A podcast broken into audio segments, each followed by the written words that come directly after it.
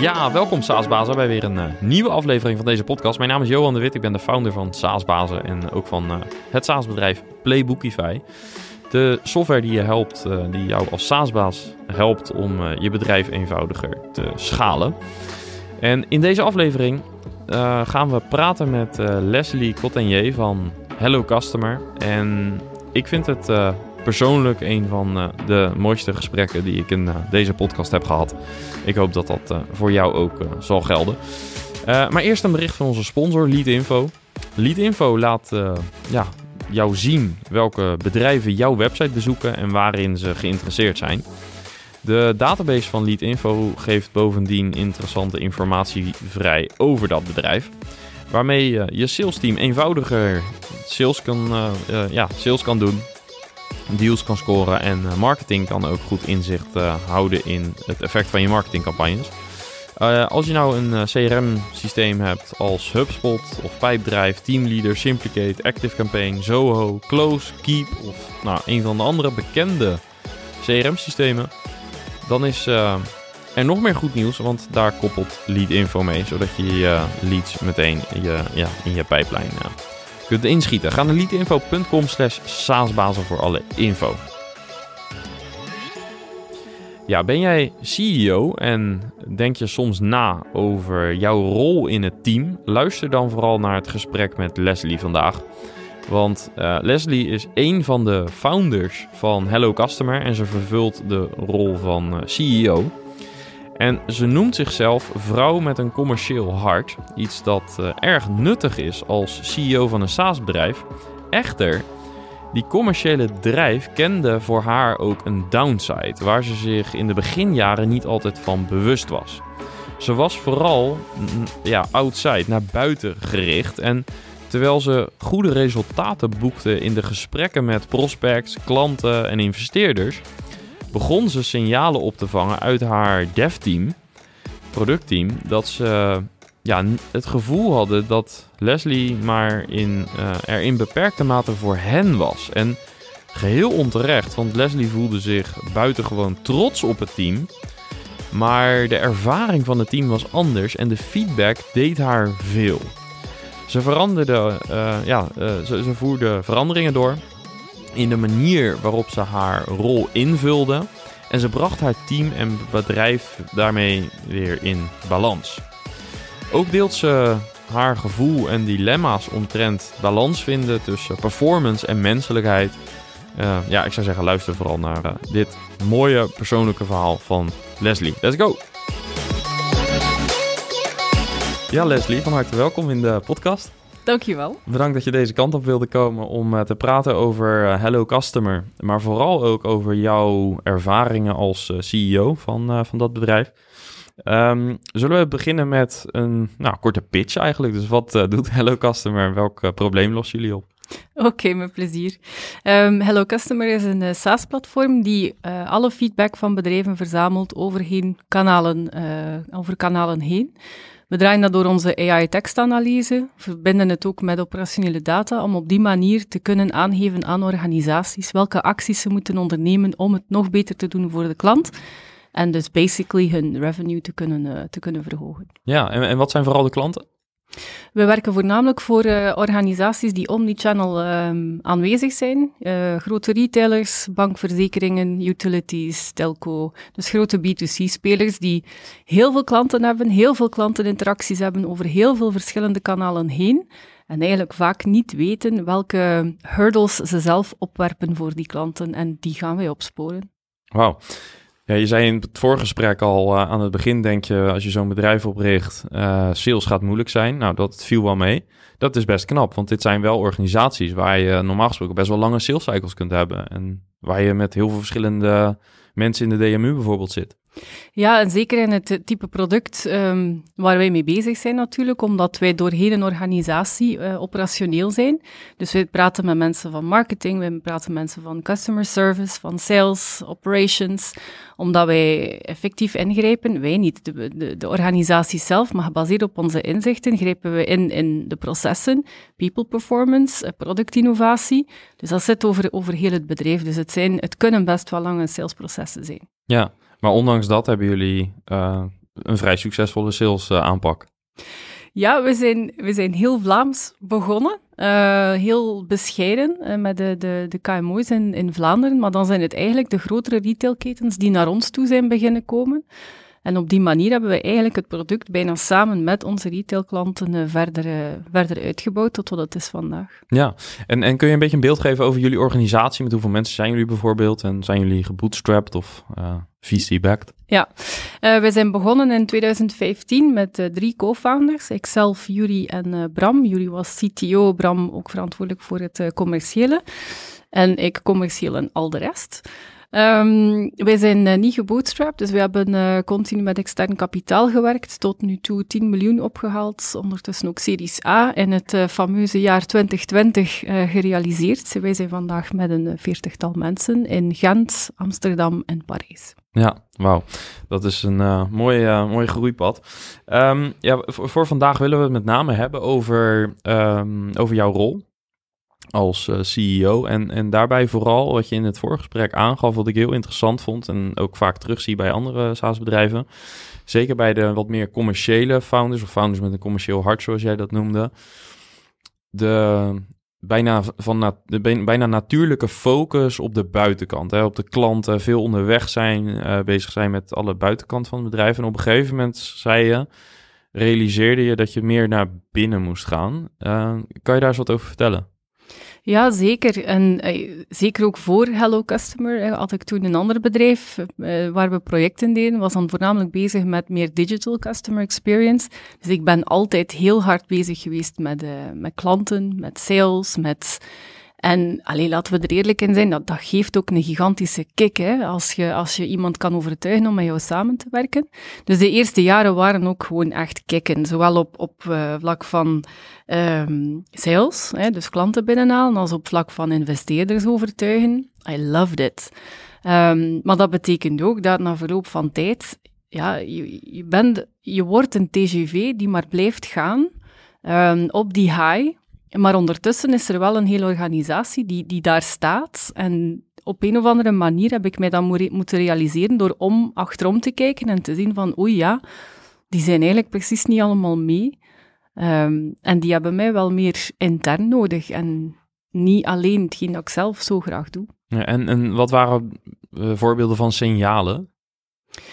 Um, ik denk dat ik um, te laat heb ingeschat welke impact ik had, puur omwille van de rol die ik bekleedde, denk ik, ehm, dat als ik niet genoeg aandacht gaf aan bepaalde ehm, departementen, dat die het gevoel hadden dat die voor het bedrijf niet belangrijk waren. En het zotste is dat ons productteam dat ook een, een tijd lang gehad heeft, van ja, bon, alles is hier sales en terwijl we hebben een van de sterkste technologieën in onze space in, uh, in Europa.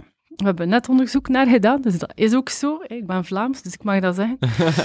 um, en, en dan, ik vond dat mind-blowing dat die dat gevoel hadden, want zo voel ik, ik mij totaal niet. Integendeel, ik ben zo trots dat ik dan ook zo graag daarmee buiten kom.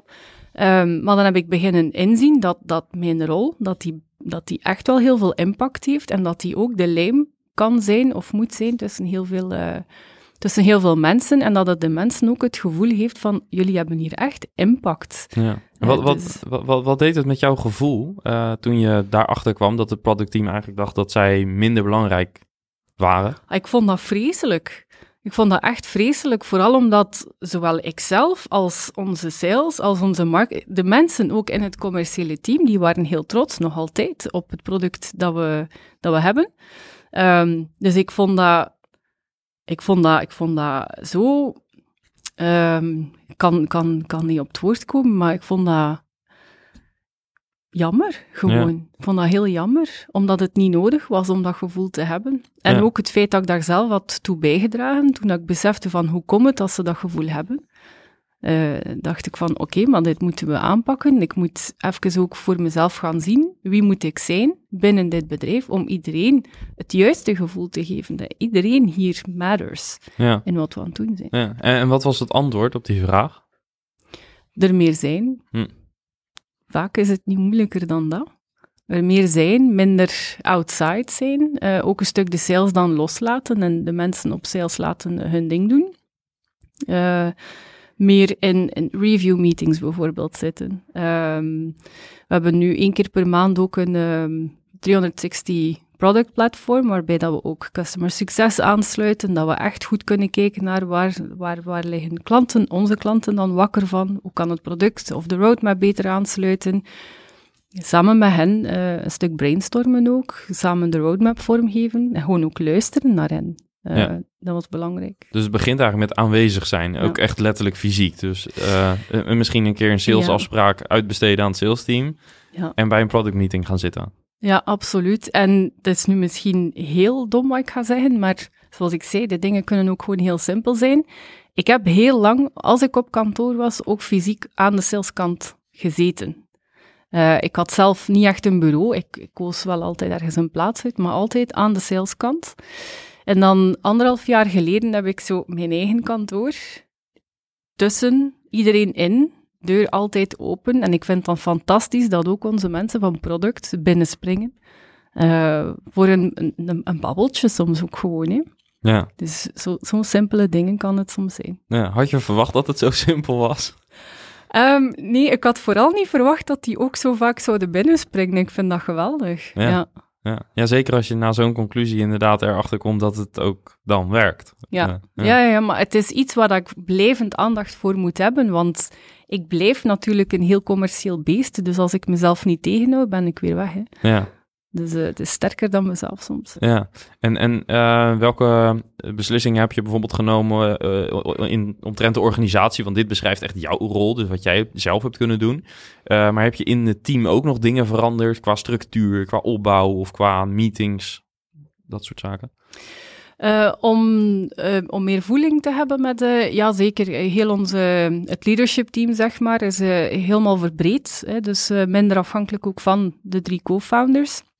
Dan is ook later onze CRO erbij gekomen.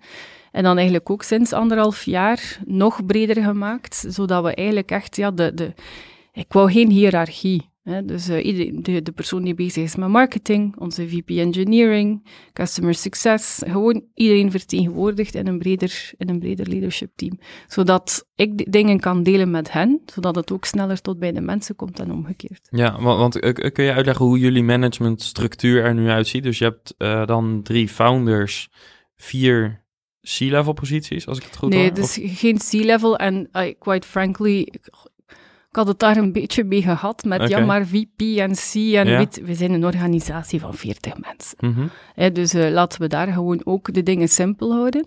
Maar wel mensen die het leiderschap opnemen op die verschillende departementen. Um, er is een, een, een C-level, dat is nog altijd de drie founders plus uh, de CRO. De CRO ja die zich graag late stage founder noemt. Dus voilà, bij deze, die zal blij zijn.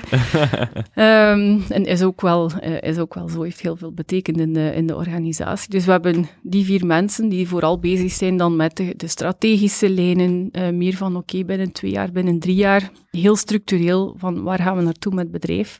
En dan het operationeel leadership team is een, is een, is een brede basis, zeg maar. Um, om op die manier de afstand ook, ook heel kort te houden. Want dat is hetgeen dat ik mij begon te realiseren. Wij zijn uiteindelijk niet groot en de afstand is zo groot. It doesn't make sense. En, en hoe komt het dat die structuur um, ja, was ingericht eigenlijk? Um, ik, zou, ik zou graag zeggen dat daar heel goed over nagedacht was, maar dat was eigenlijk niet zo. Uh, is min of meer gegroeid? Het is min of meer zo gegroeid, ook omdat ik zo extern bezig was. Was dat een beetje de manier waarop het was. Dus ik, ik was tot het moment dat ik mij begon te realiseren van wacht, hier is een bedrijf, ik heb daar een bepaalde rol in. Hoe moet dat georganiseerd worden, is eigenlijk pas de laatste twee, drie jaar dat wij daar echt goed mee bezig zijn. Ook met die lean die op, uh, op HR een beetje mijn, mijn rechterhand is. En die mij heel vaak ook die spiegel voorhoudt van, ja maar Leslie, dat moet misschien zus of zo, misschien moeten we daarover nadenken, ook als we groeien, hoe gaan we het dan verder laten groeien? Dus dat is heel goed geweest, ja. Ja, uh, heeft corona daar nog een rol in gespeeld? Want je zit een beetje in dat tijdperk van twee jaar geleden ongeveer dan. Ja, heel zeker. Ik denk dat de corona op dat vlak een zegen is geweest voor mij, want ja, het stapt me. Ik weet nog, wij waren in, uh, in San Francisco in de week dat dan de lockdown kwam. En ik ben teruggekomen via Charlotte de Gaulle, dan naar huis gereden. Ik kwam thuis, and I never left again. Dus dat was heel confronterend wel, want ik was, als ik 24 uur na elkaar thuis was, was dat veel. Wow. Dus I never did that. Dus, ehm, en dat is dan eigenlijk het moment dat je begint na te denken. Hè. Dus, dus je wordt een beetje gedwongen om af te remmen. En doordat je afremt, je ziet ook, ja, je ziet, je ziet de mensen niet meer, iedereen zit thuis. Dus je voelt van, oké, ja, hier gaan we moeten, ehm, ja, ik kan niet zeggen ingrijpen, maar we gaan veel meer aandacht moeten hebben voor de interne organisatie en voor de mensen. Ja, dat was een beetje onderdeel van de wake-up call, uh, Ja, zou je kunnen noemen. eigenlijk ja. wel, ja. Ja, ja. Ehm, en eh, gebruiken jullie nog een bepaalde managementstructuur of zo? Je hebt eh, dingen als eh, de skill-up methode en dat soort zaken? Of... Ehm, nee, eigenlijk niet. Eh, wat we doen, eh, high level zijn we met, werken we met OKR's, dus per Ja. kwartaal dat we kijken van, kijk, de drie grote doelstellingen per team, die moeten dan gelinkt zijn natuurlijk aan de bedrijfsdoelstellingen. En op die manier zijn we, zijn we georganiseerd, zonder dat we te gedetailleerd in die, in die OKR's duiken. Ehm, maar ook daar weer, ja, het is, het is niet mijn aard om heel erg systematisch en, en, en gebokst te werken. Dus ga ik dat ook niet enforcen in een bedrijf. Er komt misschien een fase waarin dat dan nodig is, maar dan weet ik nu al dat dat dan iemand zal zijn die wel veel, veel meer structuur kan bieden en zelf nodig heeft. Ja. Moet ik dan een beetje denken aan een COO-positie of zo? Ja, misschien wel. Ja, ja misschien wel. En, en bij wat voor eh, omvang denk je dat zoiets zou kunnen gaan spelen bij jullie? Ik vind dat is iets heel moeilijk. Op zich zouden we het vandaag ook al kunnen gebruiken. Hè. Ik heb, ehm, toen we met twintig waren, denk ik, heb ik toen ook eh, iemand op HR aangeworven. Dat was toen ook te vroeg, eigenlijk. Dat was een tip van Louis van eh Showpad, die zei, liever te vroeg dan te laat, wat eh, people betreft. Hè, want eh, dan hebben we dat toen gedaan. Ik ben daar heel blij mee dat we dat toen gedaan hebben. Ehm, en alles wat, wat ik ik ken mezelf, ik ken mijn sterktes, ik ken mijn, mijn, mijn meer zwaktes dan, zeg maar, binnen de rol eh, die ik heb. En dat is een beetje een continu discussie op dit moment van nu wel al, of misschien nog een beetje wachten, ehm, om, om iemand in die rol te zetten. Ja, dat klinkt wel alsof die wel actueel is, die vraag.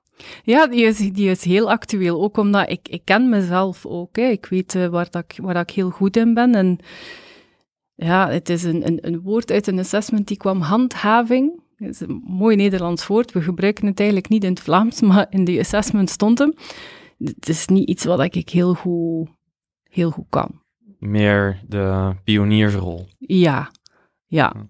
En, en wat ik interessant vind, is toch dat je bij, ehm, toen je realiseerde dat je meer naar binnen moest, heb je er niet voor gekozen om eh, daar een persoon voor aan te stellen en om zelf buiten te blijven, even hoe flauw dat ook klinkt. Maar ehm, daar heb je er echt voor gekozen om zelf die transitie door te gaan, of die transformatie in te, zetten voor jezelf persoonlijk. Ehm, terwijl hiervan zeg je vrij eh, duidelijk, mm, daar, ga ik dan, daar hebben we dan echt iemand voor nodig. Ik ga niet mezelf ontwikkelen om wat meer in die nou, handhaving, laat ik het woord aanhouden, om, om die rol in te gaan vullen. Nee, omdat ik ook geleerd heb ondertussen de voorbije twee jaar, is dat je best, en ik doe dat met mijn kinderen trouwens ook, best focussen op je eigen sterktes en je niet proberen te, te door... Je kan niet in alles supergoed zijn. Ik heb twee jaar geleden er wel voor gekozen om er voor iedereen te zijn intern, omdat iedereen intern het ook verdiende. Ja. Ehm, als het dan nu puur gaat over processen en, en KPI's en, en mensen veel meer in een, in een structuur, ehm, ik zou bijna zeggen duwen, dat is mijn sterkte niet. Ehm, en ik denk dat ik voor het bedrijf ook veel waardevoller kan zijn als ik in mijn, mijn kracht blijf staan. Ja. Ehm, dus vandaar dat het voor mij heel logisch is eigenlijk om voor die rol wel iemand te zoeken die dit dan wel supergoed kan. Ja. Eh, dat is misschien een beetje een uitstapje, maar ehm, dit klinkt ook als dat je door de jaren heen in de ontwikkeling als, als eh, founder, CEO jezelf steeds een beetje opnieuw moet uitvinden. Ehm, ja, hoe vind jij de rust en de inzichten om dat te doen? In, in een bedrijf wat eh, nou ja, een significante ronde heeft gedaan en eh, nou, eh, aan alle kanten de aandacht vraagt. Ehm, aan, de, aan, de, aan de ene kant vind ik er rust in, in het feit dat het nu eenmaal zo is. Uh, ik denk in de eerste jaren vond ik, het, vond ik het lastiger, omdat ik het toen nog niet eens door had. Ik had elke keer het gevoel van, allee, er is, er is weer van alles die wringt en, ah, maar wacht, het ligt aan mij. um, en ook de mensen, zeker de mensen die al vier, vijf jaar met ons, met ons meelopen, die zijn ook door een aantal veranderingen gegaan. En dan besef je dat de, de structuur van het bedrijf verandert, wat dat wil zeggen samenwerkingsverbanden veranderen. De, de, sommige worden hiërarchisch, anderen uh, gaan naar andere teams. Dus dat op zich al. Ook voor mij, de mensen waar dat ik initieel heel nauw mee samenwerkte, daar zit nu vaak veel meer afstand, want daar zit een lijn tussen bijvoorbeeld. Dat heb ik moeten leren. Leren om niet alles zelf te willen doen. Want in het begin doe je alles, hè. marketing, sales, customer success. Dus dat leren loslaten. Um, dus het feit dat dat de constante is, geeft mij al rust. Maar daarnaast um, ook bij coaches terechtgekomen. Uh, en soms gewoon de wijde natuur intrekken en, en nadenken.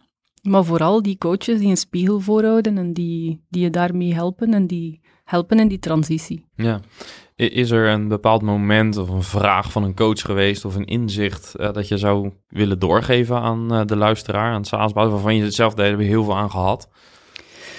Um, in mijn geval was het vooral niet te hard zijn op jezelf. Um, want ik, um, ik doe heel veel aan zelfevaluatie, maar dat kan tegelijkertijd ook een, een, eh, een valkuil zijn. Want als je altijd alles bij jezelf zoekt, dan ja, los je vaak problemen niet op in het bedrijf zelf. Omdat je het opnieuw bij jezelf zoekt. Ja. Het is die balans vinden die super belangrijk is.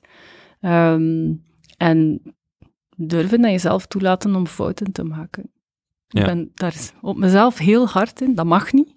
Uh, maar eigenlijk, eigenlijk hoort het erbij. Ja, want wat geef je door naar je team aan, aan, uh, als het gaat om fouten maken? Um, ja, zij mogen dat dan hek genoeg wel. Ja, precies. Het is, ja. het is, het is, het is meer op mezelf. Ik ben harder op mezelf dan dat ik ben op, uh, op mensen intern. Intern ben ik heel hard en zeker nu meer dan ooit. Ja, de, de, de, mensen die ook doorgegroeid zijn bij ons, ik ben daar super trots op.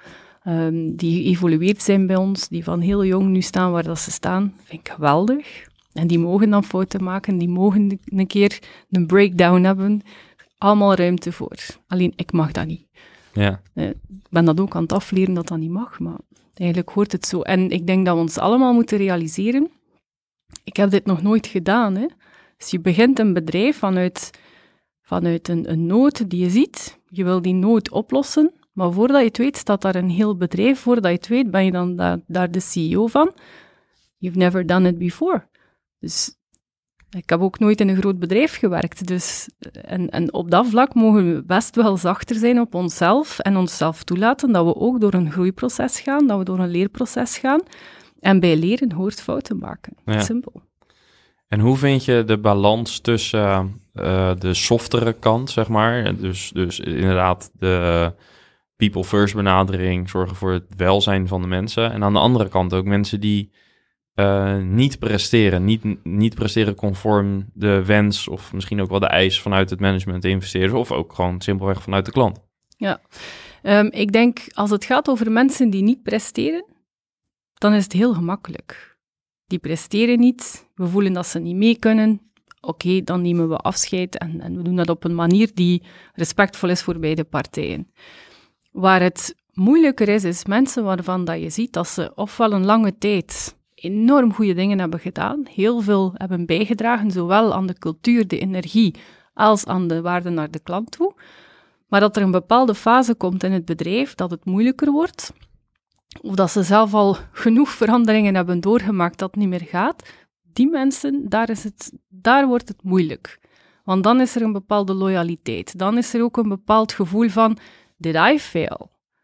want want het, het, ging wel goed en, en nu ineens niet meer. En misschien wat tijd geven en misschien dus, misschien zo. Terwijl dat er zeker met zo'n mensen sneller een gesprek misschien moet komen van oké, het lijkt erop dat het niet meer lukt. Dat is ook oké.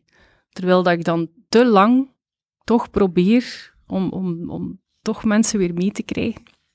En dat is ook niet altijd goed voor het bedrijf dan. Dus. En dat is een ongelooflijk moeilijke balans. Ja. En, en hoe ga je daarmee om? Um, ja, mensen effectief te lang, te lang laten, uh, laten doen, te lang ja, nieuwe, nieuwe kansen geven, te lang. Ja, dus, dus eigenlijk eerder het gesprek aangaan als je ziet dat een goede performer dat die achterblijft en dat het structureel lijkt te gaan worden, op dat moment het gesprek aangaan. Ja. En er dus oké mee zijn dat iemand misschien in een bepaalde fase van het bedrijf, in de pioniersfase, erg goed is. Maar zodra het echt gaat scalen en misschien de trein sneller gaat rijden, dat dat misschien niet meer past. Of dat er meer structuur komt en dat dat niet meer ja. Ja, dat denk ik. En ergens rationeel weet je dat. En rationeel weet je dat, dat bepaalde mensen goed zijn in bepaalde fases. Net zoals dat er mensen zijn die supergoed floreren in een supergroot bedrijf en andere mensen dan weer eerder in een, in, een, in een klein bedrijf en nog andere mensen dan eerder in een tech scale-up. Dat is allemaal heel logisch. Ja. Het wordt minder logisch, of toch, eh, als we het bekijken vanuit de niet-rationele kant, wordt het minder logisch omdat de mensen zijn waar je een band mee hebt opgebouwd, waar je samen doorheen een aantal ups en downs bent gegaan, dat je gezien hebt dat die mensen zich keihard hebben ingezet voor je bedrijf. En dat vooral, hè die mensen zijn, en ik vind dat een van de meest fantastische dingen om te zien, is hoe mensen, ze adopteren bijna de missie die je zelf voor jezelf hebt gesteld, het geloof dat je hebt en we kunnen bedrijven beter maken. De, ja, ze, ze, trekken het, ze trekken het aan als een jas, voilà, we gaan er allemaal samen voor. En dan komt het moment dat je dan moet zeggen, hey, merci voor de voorbije twee jaar, het was geweldig, maar nu, je voldoet niet meer, dus ciao kus. Ik vind, dat iets, ik vind dat iets heel moeilijk, ook al weet ik dat het, dat het soms factueel nodig is. Ja. Maar het rationele en het emotionele, at the end of the day, het is met mensen dat we werken. Het is met mensen dat we samenwerken en we moeten goed kunnen samenwerken. Dan moeten een goede cultuur kunnen hebben. Maar de downside daarvan is dat we soms te menselijk worden hè, in een bedrijf die uiteindelijk cijfers moet, moet presteren. Ja. Dat is heel interessant, want je kunt dit beide, eh, de, de volgorde waarmee je het uitspreekt, zou eigenlijk bijna al kunnen impliceren wat belangrijker is. Want je zou ook andersom kunnen zeggen, we zijn uiteindelijk mensen, het moet, uh, we moeten fijn met elkaar werken, maar uh, het moet ook presteren. Of het moet presteren, maar het moet ook leuk zijn om te werken. Eigenlijk die volgorde laat al een beetje zien hoe moeilijk het dilemma is. Ja, het is heel moeilijk. En zelfs in, in, in wat we doen naar, uh, naar onze klanten toe, hè, we werken heel hard vanuit de value profit chain uiteindelijk ooit door Harvard-professoren uitgevonden in hoe worden bedrijven goed. En een, een goed bedrijf die zorgt ervoor dat ze noden van een klant kunnen invullen, die zorgt ervoor dat ze op de juiste manier delivery doen, customer service, allemaal take away the hurdles. Nu, als je dat wil doen, in eerste instantie de, de processen in een bedrijf die moeten goed zitten. Zowel naar de klant toe, maar ook intern naar de medewerkers toe. De tweede schakel in die value profit chain is de people we zijn uiteindelijk een bedrijf. Wat is een bedrijf? Een bedrijf zijn mensen die samenwerken. Het zijn mensen die producten bouwen. Het zijn mensen die facturatiesystemen bouwen. Het zijn mensen die de telefoon opnemen. It's all people. Dus ja, de, de kern is bijna, ja, it's people first. Maar in dat people first denken, en pas op, dat is iets waar ik permanent mee bezig ben, zowel in Hello Customer naar onze klanten toe als intern, Oké, okay, it's people first, maar die moeten wel presteren, want we moeten wel vooruit, we moeten wel groeien. Dus die balans vinden tussen well-being, en zeker in this day and age is well-being super hot, maar mensen ook accountable houden op het werk dat ze moeten doen. En dat vind ik een heel moeilijke, heel moeilijke balans, waar ik dus zelf ook het antwoord nog niet op gevonden heb, maar het is, het is een permanente zoektocht. Ja, en uh, het moet wel groeien, zeg maar, dat uh, onderliggende, uh, ook onder andere is volgens mij het doel, hè? dus dat is onderdeel van, van het bedrijf. Um, hoe ver mag dat gaan? Want uiteindelijk heb je als, als venture-backed eh, company heb je natuurlijk bepaalde groeidoelstellingen. Dus eh, hoe hou je zeg maar de balans tussen die twee op het moment dat je ziet dat of de groei stokt of dat het welzijn van de mensen, dat dat niet meer is op het niveau waarop je het wil hebben? Dat is een, uh, een heel interessante vraag die mij al een paar jaar bezig houdt. Wat dat we altijd gedaan hebben, uh, is als we een, een groeispurt zeg maar, doorgingen en we, we, we waren uh, heel sterk aan het, aan het aanwerven, dan bouwden we daar een plateau in.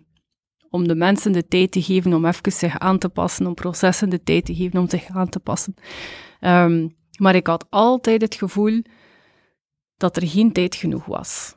Dat er geen ruimte genoeg was. Want alles moest altijd maar vooruit, altijd maar vooruit. En van 15 naar 20, van 20 naar 25, van 25 naar 30 naar 40. Ja, dan, dan moet je intussen tijd gaan nadenken over de structuur van het bedrijf, leiderschap. Uh, ja, hoe gaan die samenwerken met elkaar? Wat zijn de processen? Wat zijn de communicatielijnen tussen customer success naar product? Naar... En dan moet je allemaal zo snel beslissen. En dan heb je het beslist en dan zet je, ik ga zeggen, de poppetjes op de juiste plaats. Maar die moeten dat dan ook allemaal nog weten. En die moeten dan met elkaar nog kunnen samenwerken. En die moeten elkaar dan ook nog kunnen leren begrijpen. En dat vind ik dan heel moeilijk. En dan denk ik soms, iets trager is misschien ook niet slecht dus, dus inderdaad, ja, waar, waar, waar stopt het? Ja, en wat is trager? Is trager echt daadwerkelijk trager of is het duurzamer bijvoorbeeld? Ja, um, ik denk dan soms van als we in de day-to-day iets trager zouden zijn en niet moeten bezig zijn met month over month, dat we at the end of the day binnen x aantal jaar er sterker zouden uitkomen dan degenen die bezig zijn met nu, nu, nu. Ja. Uh, dus ja. En, en hoe zien de gesprekken bijvoorbeeld met je investeerders eruit over dit onderwerp? Ja, we hebben wel het geluk dat we, dat we eigenlijk heel goede investeerders hebben, een goede, goede board hebben, die ook wel inzien dat, dat mensen in, in heel het verhaal superbelangrijk zijn. Zeker na een covid-periode zoals we die nu gehad hebben. Dus dat dat... En dat de groei, ja, dat we dan misschien inderdaad, dat we die, die, die groeiambities een beetje moeten bijstellen uh, om, uh, om mensen toch mee te krijgen om, uh, om de juiste dingen te kunnen doen, de juiste processen te kunnen instellen, op de juiste manier naar de markt te kunnen gaan. Ja. ja en alles een beetje ruimte te geven. Ja. En, en hebben jullie ook, als het gaat om de OKR's, is vaak bovenaan het blaadje staat een soort uh, B-hack. Hebben jullie die wel geformuleerd? Een soort ja, ultiem doel? Ja, ja, dat hebben we geformuleerd. En um, ik denk binnen onze space gaat het erover dat we, ja, wij willen basically ja, worden wat dat Salesforce was in de CRM-space. Dat willen wij zijn in de Customer Experience space. Onze grootste concurrenten zijn grote legacy-spelers die, ja, het, duurt zes maanden, een jaar tegen dat je up and running bent. Wij zijn binnen een maand live met top inzichten. Dus voor ons is, is, is that's where we want to be. Eventually. Ja. ja. En, en, en dat is ook iets, zeg maar, om even terug te komen op het begin van het gesprek, dat is en blijft nog steeds jouw rol om um, ja, vooruit te blijven pushen eigenlijk. Ook als het gaat om waar je met het bedrijf naartoe wilt. Ja, absoluut. En de groeiambitie is er nog steeds. En, en het bedrijf willen krijgen op dat niveau, dat, dat, dat drijft mij nog steeds. Ja, maar heel af en toe, dat is niet waar, niet heel af en toe vaak ben ik wel aan het nadenken over de manier om daar te komen. Uh, there's more than one way. En uh, de welke een past beter bij mijn zijn, bij mijn values, bij waar dat ik zelf in geloof, um, bij het bedrijf zelf en anderzijds. Ja, het is zo'n beetje de ambitie in de weegschaal leggen met alles wat erbij komt kijken. Ja. Um, we hebben dit niet voorbesproken, maar ik ben wel benieuwd of je ons uh, en, en met name dus ook de luisteraar uh, wat, wat advies kan geven omtrent sales. als, als je um, inderdaad een relatief complex product misschien niet complex product, maar dat het wel verschillende divisies binnen een klantsorganisatie raakt en je ook nog eens een wat langere sales cycle hebt.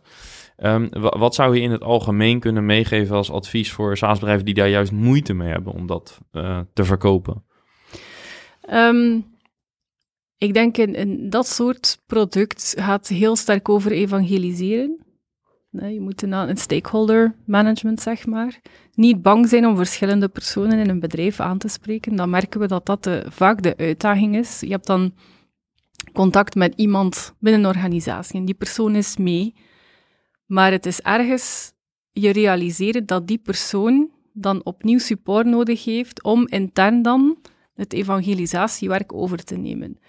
Dus dan er goed voor zorgen dat je ofwel iemand boven die persoon of onder die persoon ook aanspreekt. Ervoor zorgen dat de documentatie dat die persoon krijgt, dat hij daar autonoom mee aan de slag kan. En dat er documentatie meegegeven wordt die gewoon kan rondgestuurd worden en het is meteen duidelijk wat je doet, waarom je het doet en wat het oplevert voor het bedrijf. Ja. Dus het is niet alleen het ondersteunen van het eigen sales team, maar het is ondersteunen van de champion dat je in een bedrijf uh, identificeert. Ja, dat je een grotere footprint, footprint krijgt binnen je klantorganisatie. Ja, absoluut. Ja, ja. Um, en wat daarmee ook je sales cycle kan verkorten. Want dat is ongeveer de vraag die ik elke week krijg. Heb je tips om een sales cycle te verkorten? Nou, dit zou een goed begin kunnen zijn. Ja, het is ook de standaard vraag in de, in de maandelijkse of kwartaal boards van uh, hoe lang is de sales cycle vandaag. Dat is waar. Nu, er zijn twee, er zijn, het mes snijdt altijd langs twee kanten. Aan de ene kant kan je sales cycles verkorten door en expand te doen. Um, wat dat wij vaak geprobeerd hebben, is ergens in één afdeling van een bedrijf onder goedkeuringsbudgetten te verkopen. En op dan, om dan eigenlijk via customer success te gaan expanden. Anderzijds kan je grote deals landen als je er tijd genoeg insteekt, die meteen multi-country gaan, die, die, die boven de 100, 200k per jaar gaan. Oké, en wat, dat, wat ik denk is dat je in de pipeline heb je een goede mix nodig. De big bets, daar blijf je gewoon continu op werken, zowel in marketing als in sales. Maar dan kleinere deals toevoegen om de velocity hoog te houden. Ja, ja goede balans. En, en um, op het moment dat je bij zo'n big bet dat het niet lukt, dan kun je altijd nog downsizen, bedoel je ook. dus dat je dan altijd nog kunt proberen om uh, binnen een kleiner uh, team of zo alsnog je ja. je ingang te vinden. Ja, zeker. En ook het voordeel van zo'n big bet is dat dat supergrote organisaties zijn, maar dat mensen vaak niet met elkaar praten. Als het een dead end is op één afdeling, then you have multiple, om het dan toch nog verder te proberen. We hebben er zo'n paar, waar we een paar jaar toch geprobeerd hebben. En dan uiteindelijk pakt de saus dan toch ergens in een andere afdeling en dan komen die eerste terug wakker. Ah, ja, ja, we hebben nog met jullie gesproken. Ja, ja, ja, ah, we zullen misschien toch eens kijken. That's how it goes. Ja, ja mooi. Uh, is er nog iets wat je zou willen delen met de luisteraar, met de SaaS-bazen waar ik uh, niet naar gevraagd heb? Misschien een uh, les die je zelf hebt geleerd of een tip, advies? Goh, ik denk puur kijkende naar mijn eigen traject is het, is het gewoon, ja, enjoy the ride. Maar besef ook dat het, een, dat het een avontuur is waar je zelf heel veel leert, waar je zelf ongelooflijk evolueert. En wees dus ook niet, niet te hard voor jezelf. En laat je bijstaan. Ja. Zorg dat je een spiegel hebt. En een coach kan die spiegel zijn, een vriend kan die spiegel, kan die spiegel zijn, maar zorg dat je voldoende spiegels hebt. Mooie afsluiter, dankjewel. Met veel plezier. Yes, en tot zover uh, dit bijzondere gesprek. Waarvoor uh, nogmaals dank, Leslie. Ja, na de, na de opnames van dit gesprek gingen we nog even door. En onder andere over uh, ja, de gevoelens die zij ervaarde tijdens deze reis. En daarbij kwam ook vrouwelijkheid ter sprake. En dan met name de rol die, en ik generaliseer wat, maar je zult denk ik begrijpen waarom. Uh, de rol die vrouwen kunnen spelen in teams en hoe uh, we dat binnen SaaS-bedrijven vaak uh, ja, maar in beperkte mate aanwezig hebben. En datzelfde gold een beetje voor het SaaS-bazen live event recent, waar bijna 200 SaaS-bazen waren, maar slechts een heel klein deel daarvan vrouw was. En dat heeft mij aan het denken gezet, evenals een aantal andere ervaringen en nu weer dit gesprek met Leslie. En dat uh, ja, zette mij wel aan om meer te concentreren op die diversiteit. Dat we ook dat, we hebben het vandaag een beetje over balans gehad dat ook nou, die balans wat, wat beter gaat zijn. Hoe we dat exact gaan doen, daar ben ik nog over aan het nadenken. Daar ben ik ook in, over in gesprek met een aantal vrouwelijke SaaS-bazen. En nou, uiteraard, als je daarover mee wil denken, is alle support en alle input, feedback is van harte welkom. Goed, dat was het voor vandaag. Heb je nog geen ticket voor de barbecue, waar we uiteraard ook veel vrouwen willen en hopen te verwelkomen? Ga even naar saasbazen.nl om te zien wat we. Uh, ja, om alles te zien over de barbecue. Op 8 september 2022 dus. Goed, dat was die voor nu. Graag tot volgende week. Ciao.